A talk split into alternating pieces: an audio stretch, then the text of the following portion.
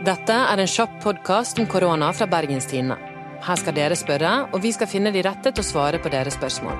I dag er det onsdag 18. mars. Mitt navn er Anna Magnus.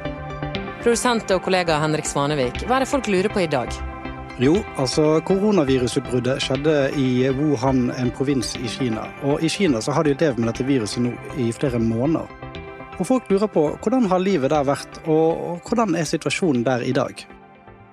Vi har fått kontakt med Linda Emilia Koskin Gjelle, som bor og lever i Kina.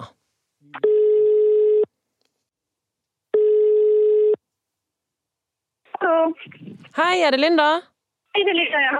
Du, Linda, hva er det du gjør i Kina? Eh, Jeg jobber til vanlig på ambassaden i Beijing, lokalt ansatt, men jeg er i mammapermisjon nå. Så jeg har en sønn på ti måneder. Så hyggelig. Mm. Du, Linda, kan du ta oss tilbake da eh, utbruddet av korona kom til Kina, og hvordan det har påvirket dere? Først så las vi om det i nyhetene, litt sånn på en måte en binyhet, så vi tenkte ikke så mye på det. Og så har jeg en venn i Norge faktisk som kommer fra Wuhan, som sendte meg en melding og bare sa dette kommer til å bli stort. Ta, kjøp inn maske nå, bare forbered dere.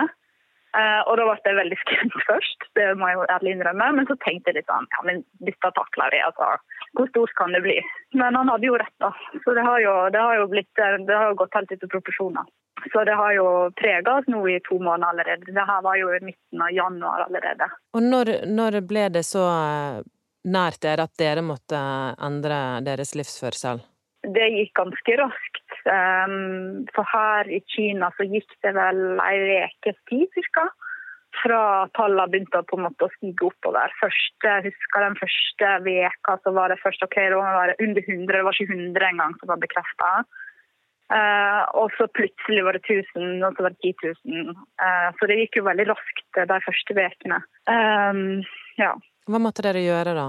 Eh, Så da prøvde vi jo da å kjøpe munnbind og for, på en måte forberede oss på de måtene som vi kunne. da. Men det, når 1,4 milliarder mennesker tenkte det samme, så Så vi, vi fikk jo ikke aldri kjøpt munnbind, f.eks. Det var jo helt utsolgt med en gang. Eh, og så skjedde jo ikke samme som vi ser i Norge nå, at folk begynte å kjøpe og gå på butikken og hamstre inn mat.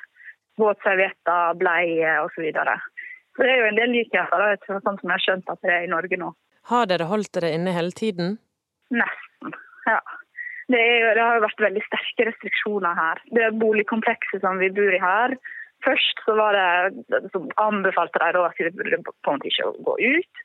Så ble det jo påbudt med maske. Og så ble det sånn at bare én person fra hver husholdning kunne gå ut for å handle mat hver tredje dag. Hvordan har de kinesiske myndighetene passet på at dere har opprettholdt reglene? Vi kom jo ikke ut. Det jo, det var stor vakt i porten og sa nei, her kommer ikke dere ut. Så det, så det er jo en, en slags håndheving, det òg. En slags tvang, selv om folk her har jo villig vært med på det. Det myndighetene har innført nå her i Hangzhou, men òg i veldig mange andre provinser og byer i Kina, er at de har innført en, sånn, en app, en helsekode, der en inn, må legge inn informasjon, personalia, for navn osv. Og så må en legge inn reisehistorikk. Eh, og da kan en få enten grønn, gul eller rød kode. Grønn kode, da er du safe. Da har du vært i trygge områder, og, og du kan ferdes fritt. Um, gul, jeg er ikke helt sikker på det, men det er noe hvis du har vært litt i litt sånn tvilstilfelle. Um, mens rød, da har du vært i et område med utbredt smitte. Hubei-provinsen i Kina, Italia osv. Eh, sånn at når den, når en går ut på gata her, så er en nødt til å ha med telefonen overalt. Altså Man viser den QR-koden på mobilen for å komme inn på buss, for å komme inn på supermarked, for å komme på flyplassen osv. osv. Så, så, så, så det gjør jo til at, at, at de som sitter i karantene, faktisk forblir i karantene, f.eks. For eksempel, Fordi at ja, Går du ut med en gul eller rød kode, så, så ja, blir du fort henta inn igjen. Mm. Hvordan oppfatter du at uh, deg og din familie og dine venner og, og, resten av samfunnet i Kina har det oppi alt dette?